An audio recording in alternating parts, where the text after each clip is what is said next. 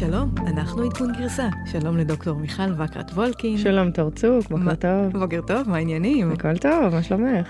בסדר גמור, הרבה חדשות. אה, היום טוויטר יאסרו אה, פרסום פוליטי, דיברנו על זה לפני כמה תוכניות בהקשר של פייסבוק, שכרגע המדיניות שלה מתירה הכל, ננסה להבין אה, מה קורה שם. גוגל רוכשת את פיטביט בלמעלה משני מיליארד אה, דולר, נדבר גם על זה. קליפורניה עולה באש, וחברת החשמל PG&E, זו חברת החשמל הפרטית אה, במדינה, נפגעת מהשרפות שם, עומדת בפני פשיטת רגל, בלאגן גדול, מיכל תעשה לנו סדר בדברים. התנועה לזכויות האזרח האמריקנית מאתגרת את טכנולוגיות זיהוי הפנים בתביעה חדשה ומעניינת מאוד נגד אה, רשויות החוק האמריקאיות. ולסיום, אוזניות חדשות אה, לאפל עם noise cancellation, וגם אה, סטארט-אפ ה fitness המדליק, מירור, מגייס 34 מיליון דולר, ויש לו שיתוף פעולה מעניין מאוד עם אה, מותג בגדי הספורט לולו למון. מיכל. האם תוכלי שלא נדבר על זה? לא, לא, זה חובה. חובה. אז אה, איפה היית השבוע? בפינתנו, מיכל אה, מטיילת. אז אה, שבוע שעבר היה כנס תחליפי דלקים ותחבורה חכמה. זה כנס שקיים כבר למעלה משש שנים. בעצם ארגון תחליפי הדלקים הוקם על ידי משרד ראש הממשלה בערך בתקופה שבטר פלייס נסגרה, ובעצם המטרה שלו הייתה לעודד בישראל תעשיית רכב. כמו שאתם יודעים, אין יצרני רכב בארץ, ובכל זאת יש תעשיית הייטק מאוד ענפה. הארגון הזה עובד יפה מאוד, ובעצם הוא הביא, אה, או לפחות התחיל את האצה המטורפת של אה, צמיחה בתחום הרכב. אה, היום יש מעל 600 סטארט-אפים, ואנחנו מדברים על זה הרבה. שבוע שעבר היה, היה כנס, הגיעו בכירים מחברות רכב, מטיר 1, היה כנס מרשים מאוד, ועשרות סטארט-אפים ישראלים הציגו. משהו חדש ומעניין שאנחנו לא מכירים? אז זהו, זו שאלה טובה, מה הטרנדים אה, ברכב, כי אנחנו כבר מדברים על רכב, אנחנו כבר יודעים שיהיה רכב אוטונומי וחשמלי ומחובר. אה, אז אני חושבת שהפעם היה דגש על תחומים כמו Machine Learning ו-AI. אה, דיברו על כל מיני טכנולוגיות לרכב אוטונומי שעדיין, את יודעת, רכב אוטונומי עדיין לא פתור ב-100%. השקיעו הרבה כספים, לדוגמה במצלמות, אבל עדיין יש פתרונות חישה שחסרים. אז באמת אנחנו רואים סטארט-אפים שקמים. אנחנו הסתכלנו הרבה גם, דיברנו הרבה על חוויית השימוש ברכב, אה, איך אפשר ליצור רכב שהוא בעצם אה, נוהג בצורה יותר עדינה, שלא מרגישים את הכביש. אה, בעצם אפשר להבין איזה שירותים נותנים לנהג בתוך הרכב. אז היו, היו סטארט-אפים מעניינים שבעצם חדשים, אבל אני חושבת שהיה הרבה סטארט-אפים ותיקים, בעיקר שבעצם רואים שהם צמחו וגדלו והם יודעים לעבוד עם החברות הגדולות. אז אנחנו רואים איזושהי בשלות, משהו קרה לתעשייה שלנו, התבגרה קצת. בהחלט היא התבגרה, אה, ואני חושבת שגם יש פה הרבה יותר חברות רכב היום, וטיר 1 שבעצם רואים את ההתבגרות הזו ורוצים להשקיע עוד, אז אה, יזמים, תמשיכו להקים חברות אה, בתחום הרכב, אנחנו צריכים אתכם. היה מנכ"ל סקודה בארץ, הוא נתן הרצאה, הוא מאוד מאוד פרגן לישראל, הוא השווה בין תל אביב לפראג בעיצוב, ביצירת איזשהו אימפקט חיובי, בספיריט. הוא אומר שבעצם ישראל היא... אה, לוקחת חלק פעיל בעיצוב עתיד המוביליטי, אה, והוא מדבר על תחום הרכב שבעצם עובר איזושהי טרנספורמציה ממנוע בנזין למנוע חשמלי, ממוצר בודד לאיזשהו פתרון הוליסטי למחשב מרכזי, אה, והוא דיבר קצת על סקודה בקונספט חדשנות, הוא הזכיר כמה סטארט-אפים מעניינים פה, שהוא עשה איתם שיתוף פעולה, ובעצם הוא אומר שחברת הרכב היא לא הפתרון עצמו. הוא ממליץ לשאר להישאר יצירתיים ובאמת לעודד חדשנות בתחום. היה גם פאנל מאוד מעניין אה, ששי אגסי השתתף פה, אה, שי היה הבוס שלי לשעבר, אה, ובעצם דיברו על זה שב-2017, על, הבועה של האוטונומוס, ב-2017 האמינו שאוטונומוס, רכב אוטונומי למעשה יהיה במאס פרודקשן עד 2020. מעבר ו- לפינה. מעבר לפינה, והיום רואים שזה לא, לא יקרה כל כך מהר, זאת אומרת, כן אפשר לנסוע אוטונומית כבר היום, אבל חייבים שהנהג יהיה איפשהו אה, אה, בפוקוס. אה, אה, זה מא- מאוד מעניין, כי שי סיפר שה-CTO של GM לא האמין שיהיו רובוטים אה, בכבישים לפני עשר שנים, והנה היום GM מובילה בתחום של האוטונומוס, הם עשו רכישה של קרוז למשל. אה, באמת, אני חושבת שהשיח שם בפאנל הזה היה שהתוכנה צריכה להיות יותר דיבאגד אה, מבחינת ה-AI שלה, כדי שיהיה אפשר לנסוע ברכב אוטונומי והרכב לא יעשה שטויות.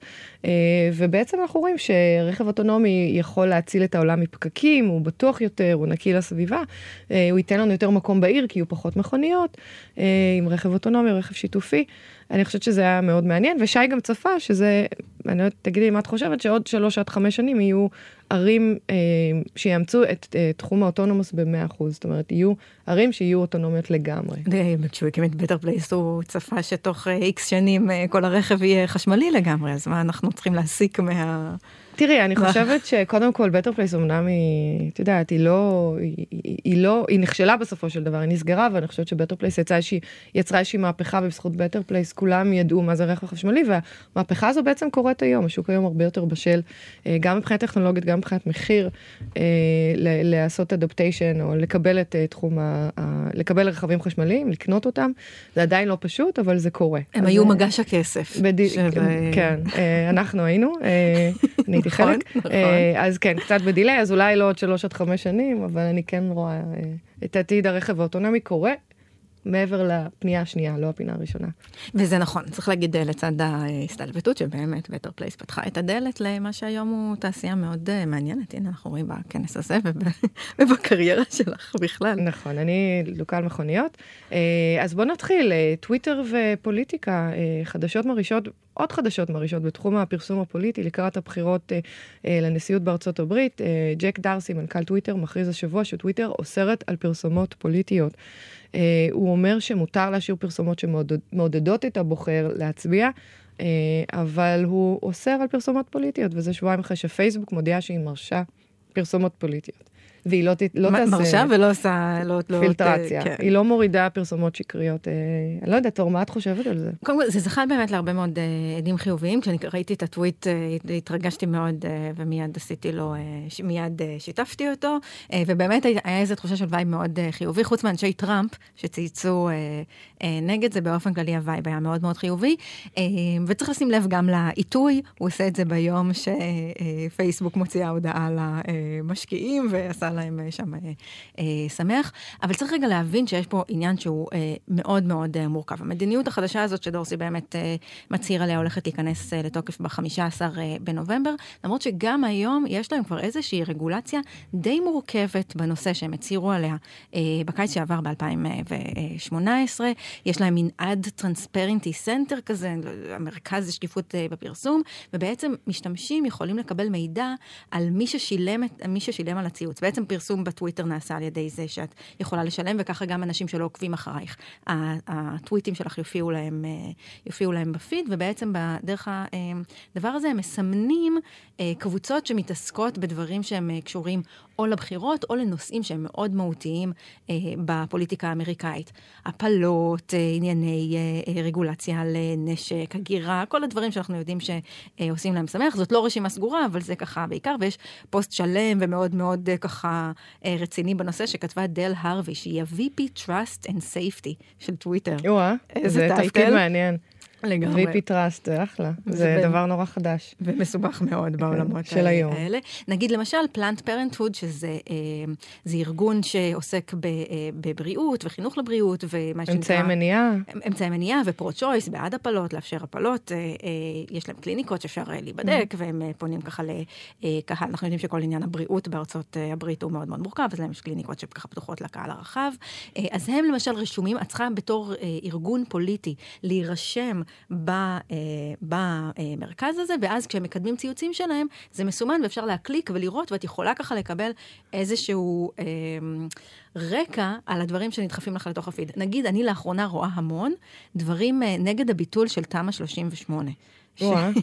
כי כנראה מישהו יש לו, כן, יש לו עניין incentive. של התאחדות הקבלנים, אז, אז אני רוצה לדעת כן. מי מאחורי הדברים האלה ולהבין ש...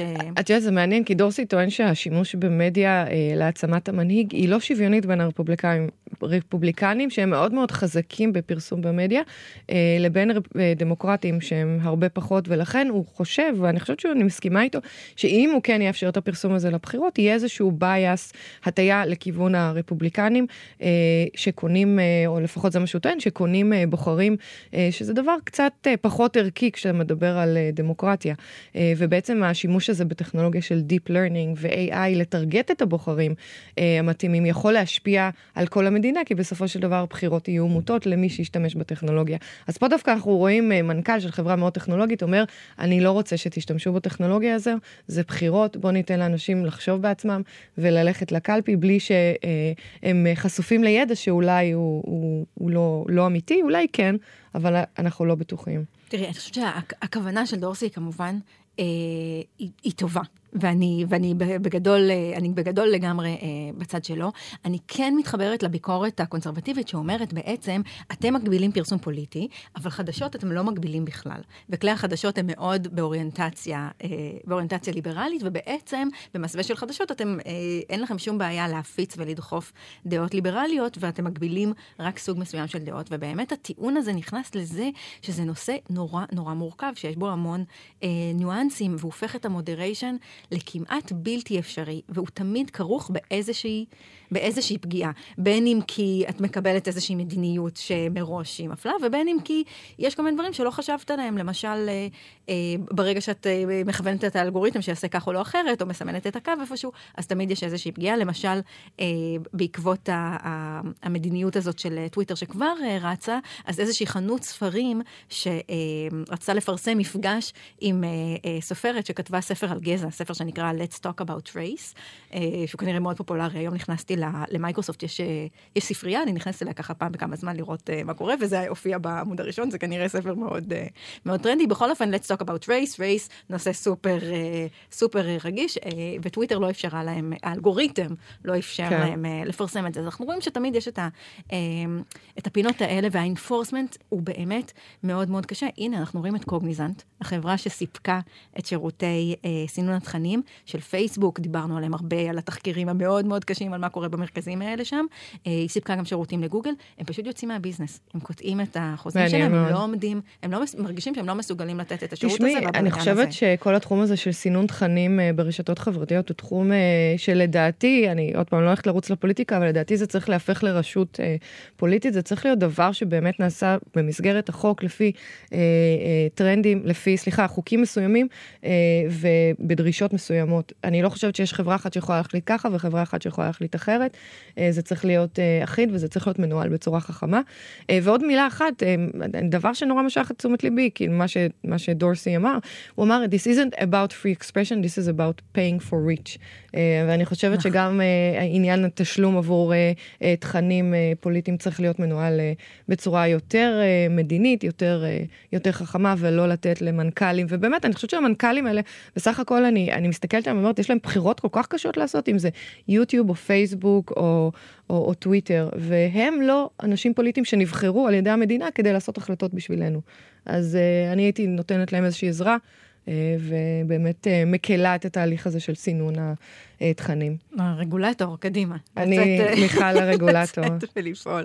אם כבר אז את אור, את יותר מתאימה. לגמרי, אני תמיד שמחה לשמוע כשאת בעד רגולציה. בואי נקים תנועה. טוב, יש לי תחושה שזה לא הפעם האחרונה שאנחנו נדבר על הנושא הזה. לעניין הבא, מזל טוב לפיטביט, נרכשה על ידי גוגל ב-2.1 מיליארד דולר. ראינו את זה בה, דיברנו לפני כמה חודשים על הרכישונת של פוסיל, גוגל קנו, עשו מין acquihire כזה, עסקה קטנה של 40 מיליון דולר, והיה ברור שלא בזה הסתכם מסע הרכישות של גוגל בתחום, אז הנה, גוגל מעמיקה. נכון, את, אז אני חושבת שזה חלק מהדחיפה קדימה של מוצרים שהם לא טלפון חכם. אה, גוגל הולכים אה, בעקבות mega trend של בריאות או wellness וממשיכים להתחרות בשעון החכם של אפל. אה, היא מעל אה, 35% מהשוק, לעומת פיטביט שיש לה 20% מהשוק.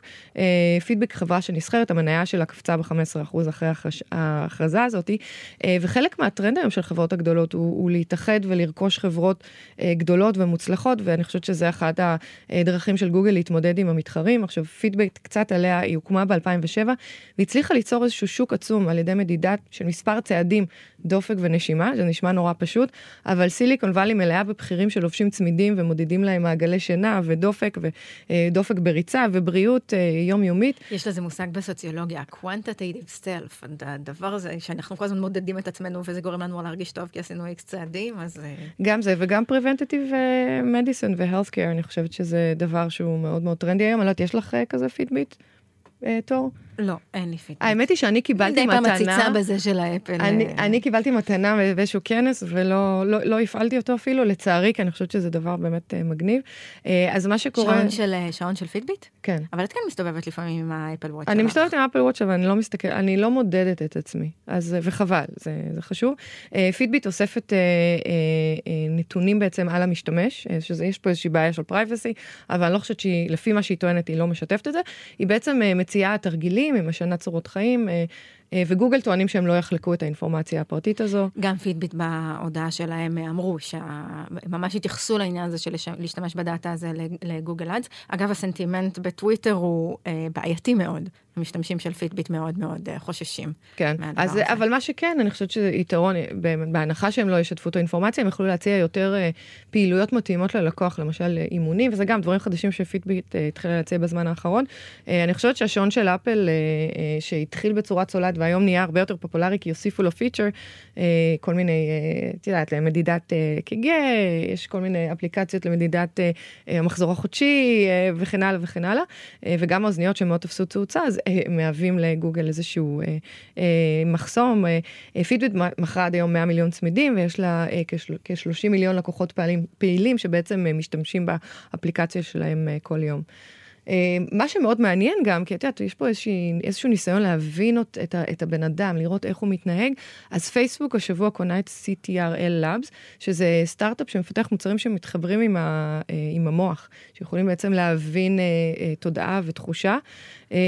אני חושבת שזה הולך, אני חושבת שזה הולך לאותו כיוון. של למדוד אותנו, להיכנס לנו לתוך המוח, יש פה, יש פה מן הקריפיות. יש פה קריפיות, אבל תראי, אני חושבת שגוגל עד היום אין לה שם מאוד טוב בחומרה.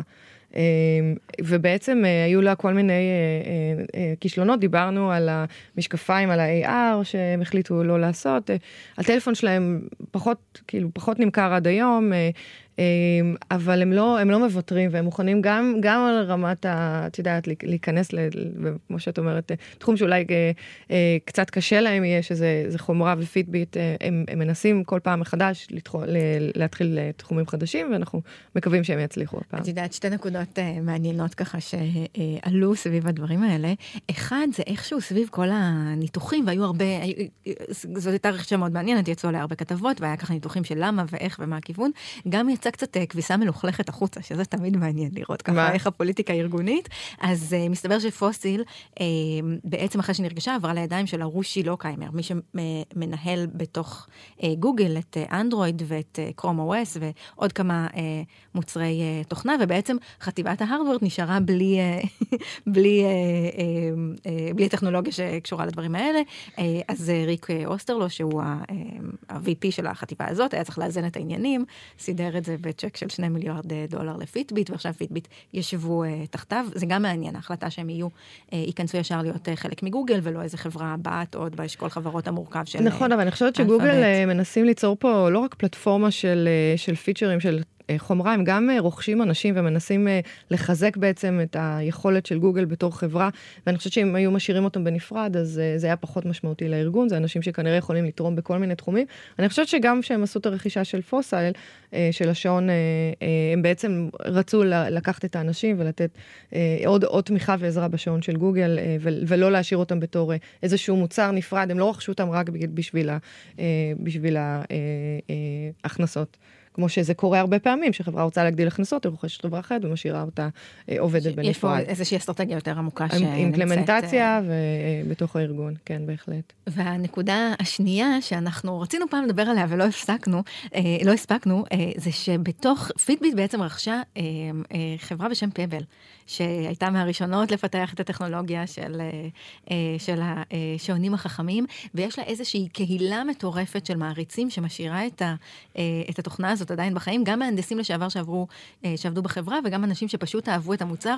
זה מוצר, קשה לתאר כמה שהוא נראה מצחיק, הוא כמו מין תמגוצ'י כזה ש, שיושב לך על היד. אני מניחה שעכשיו עם המעבר לגוגל, הקהילה הזאת תיתקל בלא מעט בעיות ברצון שלה להמשיך ולפתח ולשמור. אולי גוגל יחליט החליטו להחיות אותה. בוא נראה. יש קצת יותר תקציבים, את יודעת שאתה נמצא בחברה כל כך גדולה ומוצלחת. אבל יש גם אה, יותר אה, קנאה ל-IP. זה נכון. טוב, נראה, אין, אין לדעת. מיכל, מה קורה בקליפורניה? וואי וואי, אל תשאלי. אני שומעת, מתקשרים אליי כל מיני קרובי משפחה מארץ, הכל בסדר בקליפורניה, החברים שלך בסדר, חם, יבש, רוחות, שריפות. וזה משבש, זה פשוט משבש את החיים. מה זה עושה לרשת החשמל ולחברת החשמל הפרטית שם? כן, אז קודם כל PG&D, חברת החשמל uh, באזור, בסיליקון וואלי uh, וגם במקומות אחרים בקליפורניה, חברה שקיימת כבר המון המון שנים. אה, חברה, בוא, נוג, בוא נגיד זה, זה סוג של אה, מונופול. אה, היא תש... חברת החשמל היחידה בתוך קליפורניה? כן. זה תשתיות שקיימות כבר, את יודעת, עשרות שנים. לא הייתי קוראת לזה הייטק בכלל, הכי לא לואו-טק שיכול להיות מבחינת הקווי מתח גבוה. ומה שקורה עכשיו זה שבעצם יש תנאי מזג אוויר קשים, יש, כמו שאמרתי, יובש, יש טמפרטורות יחסית גבוהות ורוחות. נוצרים גיצים ברשת החשמל שהם בעצם uh, מתפשטים uh, לשריפות ענק, ואנחנו רואים שפשוט אזורים שלמים uh, בדרום קליפורניה, uh, באזור סונומה, שזה קצת בצפון, באיסט ביי, למי שמכיר, uh, uh, מוצתים. וזה משבש את החיים, כי PG&E לא מסוגלת להתמודד עם השריפות האלה, ומה שהיא עושה כדי למנוע עוד שריפות, היא פשוט מכבה את החשמל. היא סוגרת את השלטר, כמו שאומרים עד היום. עכשיו, תארי לעצמך שאת בן אדם שחי אה, במקום מודרני, ואין לו חשמל, אין לו שבוע חשמל, שבועיים חשמל, זה משבש את החיים, ואני נמצאת בשיחות טלפון עם האנשים האלה שגרים באזורים האלה בגלל העבודה, והם אומרים, אנחנו, אנחנו פשוט לא מסוגלים לחיות, ופתאום אין אינטרנט, ופתאום אה, הם, לא, הם לא יכולים, את יודעת, אה, אה, הבסיס היומיומי של בן אדם מסתבר שאנחנו עדיין תלויים בחשמל. מה שקורה זה שבגלל שהחברה הזו היא מונופול, והיא באמת לא עשתה חדשנות הרבה שנים, היא מקבלת, קיבלה המון תביעות. אה, מאנשים, כי זה לא, זה לא השנה הראשונה שיש שריפות, כל שנה כבר ב, מאז שאני זוכרת את זה, שאני שם, הייתי שם הרבה שנים, אה, יש שריפות קשות, אנשים נשארים מחוסרי בתים, מאות אנשים אה, נפטרו או נשרפו, ויש תביעות ענק מול, מול החברה הזו, מול PG&E, ובעצם זה בנוסף לצורך הזה להחליף את התשתיות, החברה נמצאת בפשיטת הרגל. אה, וממשלת קליפורניה אה, לא יודעת איך להתמודד עם זה. הם למעשה הודיעו שאם PG&E לא יכריזו על תוכנית אה, חירום כדי להתעשת על כל הבעיות האלה, הם בעצם ישתלטו על החברה, הם ייקחו את PG&D. והאמת היא, אני לא יודעת מה, מה, מה, מה הממשלה מתכוונת לעשות עם זה, אבל יש כאן איזושהי, איזשהו שיח מאוד קשה בין הממשלה לחברת החשמל, ובינתיים התושבים פשוט אומללים. זה מדהים, כי אנחנו מדמיינים כשיש הפרטה אז יש, אז יש יעילות, וכחברה פרטית היינו מצפים אה, ש... כן, אבל את יודעת, יש לנו עוד דוגמאות אה, לחברות אה, חשמל אה, מונופוליסטיות, אה, אה, למשל חברת מה חשמל... מה המצב אצלנו? זהו, אז חברת החשמל בארץ אה, נמצאת במקום דומה. גם יש לה אה, קווי מתח גבוה, הם, אה, הם עתיקים, לפחות 30 שנה לא שדרגו, לא שדרגו את הקווים האלה. אה, אה, חברת החשמל בארץ, הם, הם, הם מבקשים מהממשלה כסף לתקן את זה, זאת אומרת, הבעיה היא שזה יבוא על חשבון בריאות וחינוך, ו, אה, ויכול להיות שגם ביטחון, והממשלה לא מאפשרת את הסכומי הענק האלה. אה, ואת יודעת, זה לא שאין פתרונות, זאת אומרת, גם PG&E, ואני זוכרת בתור מישהי שחי שם הרבה שנים, אה, לא ששה לקבל פתרונות של אינוביישן של חדשנות על הגריד. כשהתחיל השיח בעצם על בטריות ואיך אפשר לאגור אנרגיה שהיא אנרגיה נקייה, ואיך אפשר ליצור אולי בבתים, לשים בטריה וליצור איזשהו מאגר אנרגיה שכל אחד, אחד מאיתנו יוכל להשתמש באנרגיה שהוא ייצר. PG&E מאוד חסמה את הדבר הזה, היא לא ששה לבנות בטריות על הגריד. היום אנחנו רואים, ודיברנו על זה גם בפודקאסט שעבר, שיותר ויותר מדינות כן הולכות לכיוון של אה, בניית מאגרי אה, אה, אנרגיה, זאת אומרת בטריות שיכולות לאגור אנרגיה סולארית או אנרגיה של רוח, וגם אין מה לעשות, PG&E מתחילה ללכת לכיוון, אבל זה בגלל רגולציה ממשלתית, וזה לא לאו דווקא בגלל שהחברה רוצה להשתנות ולהיות חדשנית, יש איזשהו, איזשהו נקע או שבר או איזשהו, איזושהי בעיה בקונספט הזה של גריד בארצות הברית, ועוד פעם גם בארץ. אולי היום עוד הולכים להיות משהו, מקרה קלאסי בבתי הספר לניהול, של מה קורה כשאתה לא זורם עם, עם החדשנות ועם השינוי של העולם. כן, אבל אתה, תגידי, אתה מה קורה עם כל, הח... זה קליפורניה, כאילו, מה קורה עם כל החברות שגדלות שם, שצומחות שם, אין שם דרך כן, להתממשק לדברים האלה? אז בוודאי, את יודעת, אפילו טסלה למשל, טסלה מייצרת בטריות, ואחד המוצרים שלה זה לחבר, לשים בעצם בטריה בבתים של אנשים, ובן אדם שיש לו גם מערכת סולארית וגם בטריה, יכול בעצם לאגור את האנרגיה הזו. וממש להתנתק מהגריד, או שלא צריך? לא, אתה לא, אין פה רצון להתנתק מהגריד, גם אף אחד לא מנסה לאיים על PG&D שיתנתקו ממנה, הם בסך הכל אומרים, בואו תטעינו את הבטריה שלכם, ובשעות הלחץ, בשעות השיא, כשאתה בא ורוצה להטעין את הרכב שלך, יהיה לך את הבטריה ותוכל להטעין את הרכב במקום רשת החשמל אה, אה, אה, מהבטריה שלך. וזה מיועד ספציפית לרכב, או, או שזה יכול לשרת אחר כך את כל הבית? אז, אה, אז, אז זה מיועד גם לרכב, וזה גם יכול לשרת את הבית, ובזמן האחרון גם יש דרך אה, שבה אה, אתה יכול בעצם למכור את, ה, את האנרגיה בחזרה לגריד, אה, וכן מאפשרים את זה, אבל במחירים מאוד זעומים שלא כל כך משתלמים לבעל הבית, בוא נגיד את זה ככה, זה עדיין לא כלכלי לא לבן זאת אדם. המוטיבציה המרכזית. לא זאת המוטיבציה הכ- הכלכלית, אבל, אבל הטכנולוגיה כן קיימת, ואנחנו רואים שבעצם אנשים בקליפורניה מתחילים לחשוב שבעצם אולי כדאי להתקין בטריה הזו, לא רק כדי להטעין את, ה, את הרכב, אלא, אלא בתור בקאפ, בתור איזשהו פולבק, אם יש שריפה, אנחנו לא רוצים להישאר שבועיים שלמים בלי אנרגיה, ואז אה, אה, אי אפשר לנהל בעצם אה, אה, את רשת החשמל בצורה יותר אישית. אה, אבל כמו שאמרתי, רוב, רוב האוכלוסייה עדיין אין לה פאנלים סולאריים ועדיין אין לה בטריות, אה, וזה מאוד מעניין כי אה, סנטה ברברה למשל היא אחת הערים שמנסה להפוך למיקרוגריד. מה זה אומר? זה אומר לנסות ליצור קהילה שמבוססת על, על רשת חשמל שהוא מקומי. זה אומר שלאנשים, ואנשים בסנטה ברברה הם יחסית wealthy, יחסית עשירים. צפונית ללוס אנג'לס, הם- בדרך לסן כן, פרנסיסקו, וילות הכל יפות, הם יכולים להרשות לעצמם להתקין בטריה וגם אה, סוללה, ובעצם אומרים, יהיה לנו איזשהו אה, קו, חש, קו חשמל ראשי, אבל יש להם קו אחד של PG&E שמחובר, אה, שזה, שזה בעייתי במקרה כזה של שריפות, בואו ניתן לקהילה בעצם לייצר אנרגיה לעצמה, ואנחנו נוכל למכור את האנרגיה אחד לשני. ואז בצורה כזו הם מציעים, הם יצאו עם מכרזים לכמה חברות, הם רוצים להוריד את צריכת האנרגיה של, שהם משתמשים מ-PG&E ל-40 אחוז. ודרך אגב, הם הגיעו גם לאחת החברות הישראליות שנקראת F-Site, זו חברת תוכנה חכמה שיודעת להתחבר לבטריה ולמערכות הסולריות, שבעצם יוכלו לעזור לקבל את החשמל הזה במינימום מחיר. אה, אז הם יודעים גם לעשות את החיבוריות וגם את האופטימיזציה אה, במחיר. אה, טסלה, נגמר המכרז, זה קורה? ואפסייט בפנים? אני לא יודעת אם הם בפנים או לא, אני יודעת שהם היו חשופים. למכרז הזה, ותודה לעמק שדות, אה, חברי היקר מבטר פלייס על העדכון. אבל אנחנו יודעים ש... אני שאלתי אותו גם מה עם ישראל, אז אז גם פה אנחנו מתחילים ללכת לכיוון של מיקרוגריד, אז אנחנו, אנחנו די שנות אור אחורה במקום הזה בישראל. אין פה איזושהי מחשבה, ולצערי, על מה יקרה אם יש פה איזושהי מלחמה או התקפת טרור שכן תכבה את רשת החשמל. אה, שריפות אולי זה קצת פחות אה, אה, קריטי בישראל, זה קורה, אבל זה לא בעיה מאוד מאוד נפוצה כמו בקליפורניה. אבל איך אפשר להבטיח שלאנשים יהיה חשמל במקרה חירום, וזה עדיין, אנחנו, אנחנו עדיין לא שם. מפתיעה אותי, חשבתי ששקע וטקה דאגו להכל. צד אחד קדימה. מי הם? מי זה? זה הדמויות של חברות החשמל. אה, אוקיי, סליחה, לא הייתי פה 17 שנים. כנראה שפספסתי, אבל זה נורא מעניין, כי אני חושבת שיש פה איזשהו טרנד של שיתופיות, כאילו, מה שאנחנו רואים זה שהעולם הופך לשיתופי, כמו שיש את Airbnb, אנחנו משתפים את הבתים שלנו, אה, אנחנו מגדלים עגבניות בגינות קהיל- קהיל- קהילתיות באמצע העיר, אה, אנחנו גם אה, רוצים לייצר חשמל ביחד, ואני חושבת שזה יקרה, זאת אומרת, אנחנו כן הולכים לכיוון הזה, צריך איזשהו מנהיג חכם וויז'נרי, כמו שאומרים, שיגיד, אני הולך לכיוון של רשת חשמל חכמה, ויש כל כך הרבה סטארט-אפים, כל כך הרבה אינוביישן על הגריד, שחייבים להגיע לשם. זה, זה, זה מעניין שאת מקבילה את זה באמת ל-Airbnb, כי אחת הביקורת על, על ה-share economy זה שבעצם היא shared רק עם אנשים שיש להם, אה, שיש להם כבר אמצעים. אז אני חושבת על, ה, על השארינג שנמצא שם בסנטה ברברה, שכל אחד בווילה שלו יכול אה, לדאוג לעצמו, ובאמת זה מאוד יפה שהקהילה מתארגנת ודואגת לעצמה, אבל מה קורה ב, בשיכונים ב-LA ומי ידאג להם בזמן שחברת החשמל הפרטית צודקת, אה, כועסת. וזה נכון, אני אוהבת את זה שאת דואגת. אה, לכולם. טוב, אני, אה, באמת, אני- זה חשוב לנו לפודקאסט, אבל מה שקורה זה שמחיר הבטריה הולך ויורד, ואני מאמינה שעם השנים זה יתאפשר ליותר ויותר אנשים כן לקחת... אה, גם בקומפטון יהיה... כן, אבל כן, זה, זה חייב, עוד פעם, חייב להיות כאן אה, איזושהי אה, דחיפה רגולטור שיגיד אה, בואו נבנה מערכות בקאפ, וכמובן בואו נחליף את התשתיות של החשמל, כי אנחנו לא מוכנים לעבוד עם קווי מתח גבוה אה, של אה, 50 שנה. זה, זה פשוט לא הגיוני.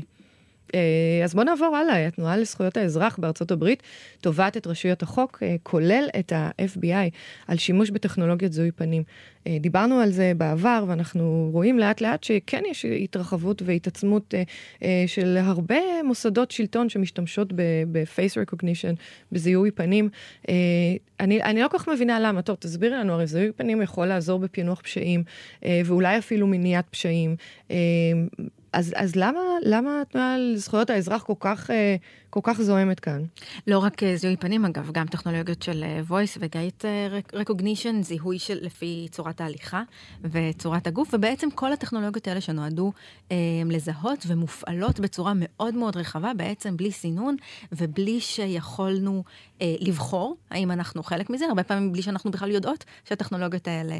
אה, אה, מופעלות עלינו, באמת סרווליאנס uh, בצורה מאוד מאוד uh, נרחבת. זה באמת תביעה שמגיש ה-ACLU, American Civil Liberties Union, ארגון זכויות האזרח המפורסם של ארה"ב, נגד כמה וכמה רשויות, בהם באמת ה-FBI, גם הרשות למלחמה בסמים, גם משרד המשפטים. זה התחיל מבקשה uh, uh, לקבל מידע.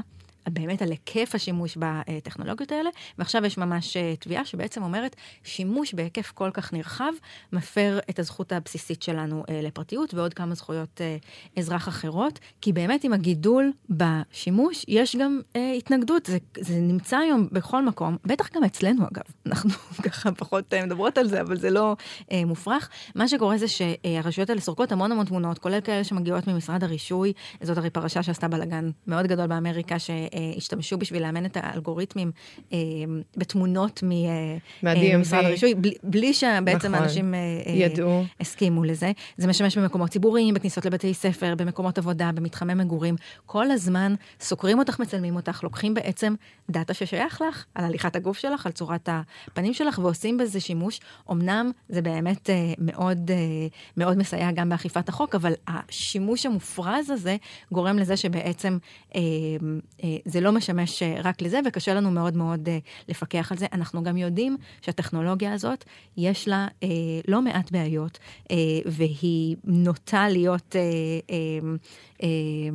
יותר מדויקת על, אה, על אנשים אה, בהירים, יש איזה מחקר נכון. גדול של מייקרוסופט ו-MIT, שבאמת אה, בדק ש... יש false positive שיכולים להאשים בן אדם שהוא בעצם לא עשה כלום, אבל אני לא יודעת, אני בעיקר, תמיד... בעיקר כשהוא שחור. כשהוא שחור, זה... נכון, שחור, או... אבל אני, אני לא יודעת, אני חושבת שצריך להסתכל פה על הפלוס והמינוס, ואם זה באמת יכול למנוע הרבה בעיות, ואנחנו מסתכלים פה על טרור, ואנחנו מסתכלים פה על, את יודעת, ילדים שנכנסים לבית ספר ו- ויש להם, הם מזוהים בתור ילדים ש- שנוסעים... נושאים נשק, ואנחנו רואים בעיה מאוד חמורה בתחום הזה. אה, אם אפשר כאן לעזור, אה, אני חושבת שזכות האדם היא קודם כל אה, לביטחון, ואם למישהו יש מה להסתיר, אז, אז כנראה שהוא לא, לא צריך להיות במקום הזה. אני, אני מסכימה שבס, שבסופו של דבר זה באמת נכון, אני חושבת שהשימוש הנרחב הזה הוא באמת, הוא, הוא היום, בשלב הזה הוא חסר פרופורציות, אנחנו רואים שיש ניסיונות של רגולציה, בעיקר במדינות שונות, בקליפורניה כמה ערים אסור על זה לגמרי, במדינת קליפורניה למשטרה אסור ללכת עם מצלמות אה, הם הולכים עם מצלמות אה, על הגוף, אבל אסור שתהיה טכנולוגיה של אה, AI וזיהוי פנים בתוך, בתוך הדברים האלה, כי אנחנו יודעים גם שיש הטיה וגם שאנחנו רוצים להגביל, אנחנו לא רוצים שישתמשו בזה כל הזמן, ועל מי שאין שום סיבה להפעיל עליו את, ה, את הטכנולוגיה אז הזאת. אז עכשיו זה הולך לכיוון של משפט? מה, מה יהיה שם? זאת אומרת, אז... יש כאן איזושהי תביעה, ואנחנו רואים שזו תביעה נגד רשויות החוק, אז מי בעצם אמור להגן על רשויות החוק? אז כן, אז, אז רשויות החוק יצטרכו להסביר איך הן, איך הן אה, משתמשות בזה, איך זה לא פוגע בזכויות החוקתיות שהם בכל זאת אמורים אמנם להפעיל כוח, אבל לעמוד עדיין אה, בזכויות. ואני חושבת שזה באמת יוביל אה, לאיזשהו אה, אה, סימון של framework, של מה אנחנו מוכנים, מה, מה אנחנו מוכנים לעשות ומה מתוך הפרטיות של הציבור הכללי אנחנו מוכנים להקריב בשביל הביטחון, ואיפה אנחנו מסמנים את הקו, ואנחנו אומרים עד כאן, כן. כי זה כבר נהיה מסוכן מדי. אני מסכימה איתך שזה חשוב, ובאמת צריך לשים, בכל דבר צריך לשים גבולות uh, גזרה. זה כמובן משהו שהולך לקחת uh, שנים. אני בטוחה שהטכנולוגיה עוד הולכת uh, להתפתח, והשימוש בה הולך כן, להעמיק. זה אבל... נכון, וגם בתחום הרכב אנחנו רואים שיש שיח על face recognition, והאם באמת כן להשתמש, לא להשתמש, מה ה-GDPR, שזה בעצם הסטנדרטים האירופאים שמגבילים את השימוש בדאטה שהוא פרטי. זה הולך ומתפתח. אני חושבת שאנחנו נמצאים קצת באקסטרים היום, זה איפשהו... יתמתן בשנים הקרובות. בעזרת הרגולטור. בעזרת הרגולטור, כמובן, אני בעד.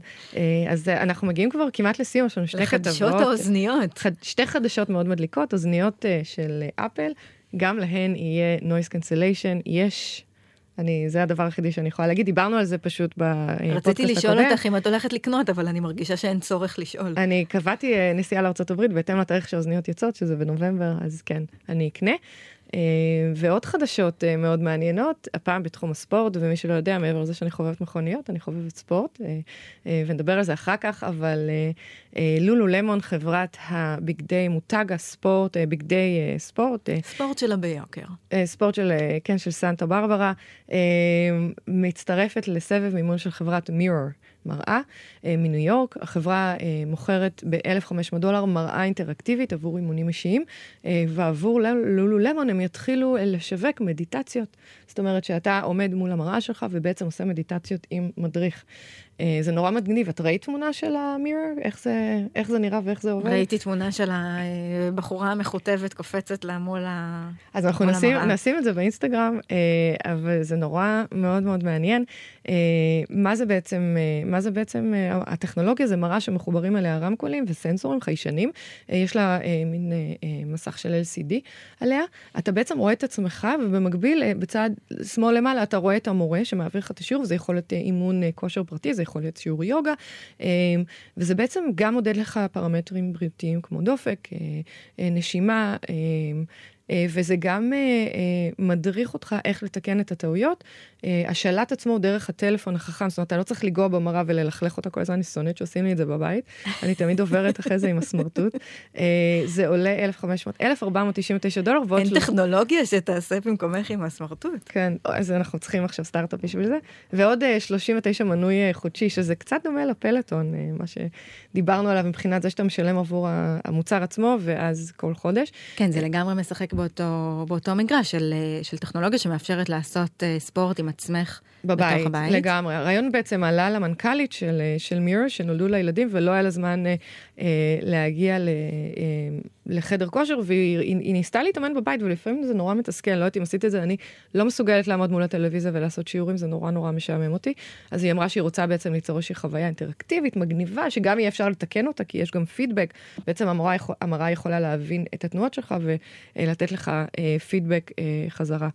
אה, אני חושבת שיש פה דבר נורא מעניין, כי זה איזשהו סיגנל, כאילו שלולו למון בעצם אה, משקיעה בכזה דבר, לולו למון זו חברה ש... לא יודעת, הטייצים שלי עם הלולו למון, אני לא חשבתי שהם ייכנסו לתחום של הספורט עצמו, אז דרך אגב, בחנויות שלהם יש גם שיעורים, שאתה בא תמיד יש את המערכת, אז הם פעם בשבוע סוגרים את החנות ועושים שיעורים, יצא לך לעשות פעם? לא, יצא לי, את יודעת, להסתכל ולהגיד אולי אני, אולי אני אגיע. את אה, שופרית של לולו למון, דרך אגב. האמת היא שאני, אני, אני לא, המחירים שלהם אה, מופרכים, המוצרים שלהם מעולים. נכון, זה שנים אני מחזיקה את המכנסיים שלהם. אה, אבל אני צריכה להגיד שכשהייתי, מסתבר שזאת חברה מוונקובר. נכון. זאת חברה קנדית, נכון. פתאום נהיה לי הרבה יותר, אני תמיד ככה, יודעת, קצת הם היו לי יותר מדי פוש בשבילי. עכשיו כשהיינו בוונקובר, במקרה נכנסנו ללולו למון לאבס. מסתבר שזו החנות שבה הם, אה, הם מנסים את המוצרים החדשים ורואים איך מגיבים. אני רוצה להתנדב. את רוצה להתנדב, להתנדב לניסוי? כן. אז אה, כן, האמת היא שהם קנינו שם כמה בגדי ספורט במחירים מצחיקים? מופרכים, אה, מופרכים אוקיי. לחלוטין. חשבתי שאולי בחנות ה lab יהיה הנחה. לא, את תומכת בניסוי, גם, okay, אוקיי, גם כלכלית, אבל האמת, אחד אחד, מעולים, כן. המוצרים מעולים. אני חושבת, אני, בוא נחזור שנייה לטרנד הזה, אני חושבת שיש פה איזשהו סיגנל ש, שספורט בבית הוא הדבר הבא. אה, כן, אנליסטים אומרים שזה ממש מאיים על השוק של ה-workout המגניב, נכון, של הסול סייקל של העולם, על ה Flywheel. נכון, נכון, זה, זה, ו, ויש פה עוד כמה, את יודעת, איזושהי דוגמנית, קרלי קלוס, אני לא יודעת אם את יודעת מי זה שגם השקיע, יש כאן, זה נהיה נורא טרנדי להשקיע בחברות uh, uh, של ספורט. Uh, אני חושבת שדיברנו על פלוטון ואופני ההייטק, שבעצם uh, אתה יכול לעשות שיעור עם עוד מיליון, uh, לא יודעת, מאות אנשים uh, שמצטרפים אליך ומדריך נורא מדליק ומצלמים את השיעור ובעצם מקרינים אותו על, הטל, על האופניים שלך בבית. אני חושבת שיש פה גם uh, תחרות קשה מאוד בתחום של הבגדי ספורט, ולכן uh, לולו uh, הולכים לתחום של וולנס uh, והלת, וספורט-טק, כמו שנקרא. כן, במובן הזה הם עובדים מאוד יפה על המותג שלהם, יש להם גם את הלולו למון אמבסדורס, של כאילו אותם מורים למדיטציה, ליוגה, לוואטאבר, שממש מזדהים עם המותג, הם עושים עבודת מיתוג מאוד מאוד יפה. אני חייבת להגיד שאני מסתכלת על כל השוק הזה, גם של פלוטון וגם של, וגם עכשיו של מירור. זה מרגיש לי כמו פלופ, כאילו אם את, זה כל כך הרבה show-off, אז מה, אני אעשה אותו לבד, לבד בבית? את יודעת, הם יורים לעצמם ברגליים, כי בעצם אם תעשי ספורט בבית, לא תצטרך לקנות את הטייץ של לולו למון, כי אתה יכול להתאמן בטרנינג, אז... אז זהו, אז מצד אחד אני אומרת זה פלופ בטוח, מצד שני מצאתי את עצמי בתוך הלולו למון לאב, אה, משאירה שם... ים לא של כסף, לא, אני, אני גם בעד, אז אני חושבת שזו השקעה טובה לעתיד, זה פשוט מכסיים שמחזיקים הרבה זמן, אז את בעצם משלמת הרבה וחוסכת הרבה. אה, אבל אנחנו נמשיך לדבר על אה, ספורט אה, אחרי שנסיים את השידור. תודה רבה לתור צוק. תודה ו... רבה, מיכל וקרת וולקין. תודה לגלי צה"ל, היום פה יש לנו את ליאור ארליך. דורון רובינשטיין איתנו בלב, נבות וולק הגדול הוא העורך שלנו, תודה לכולכם. עד כאן. ביי. עדכון גרסה.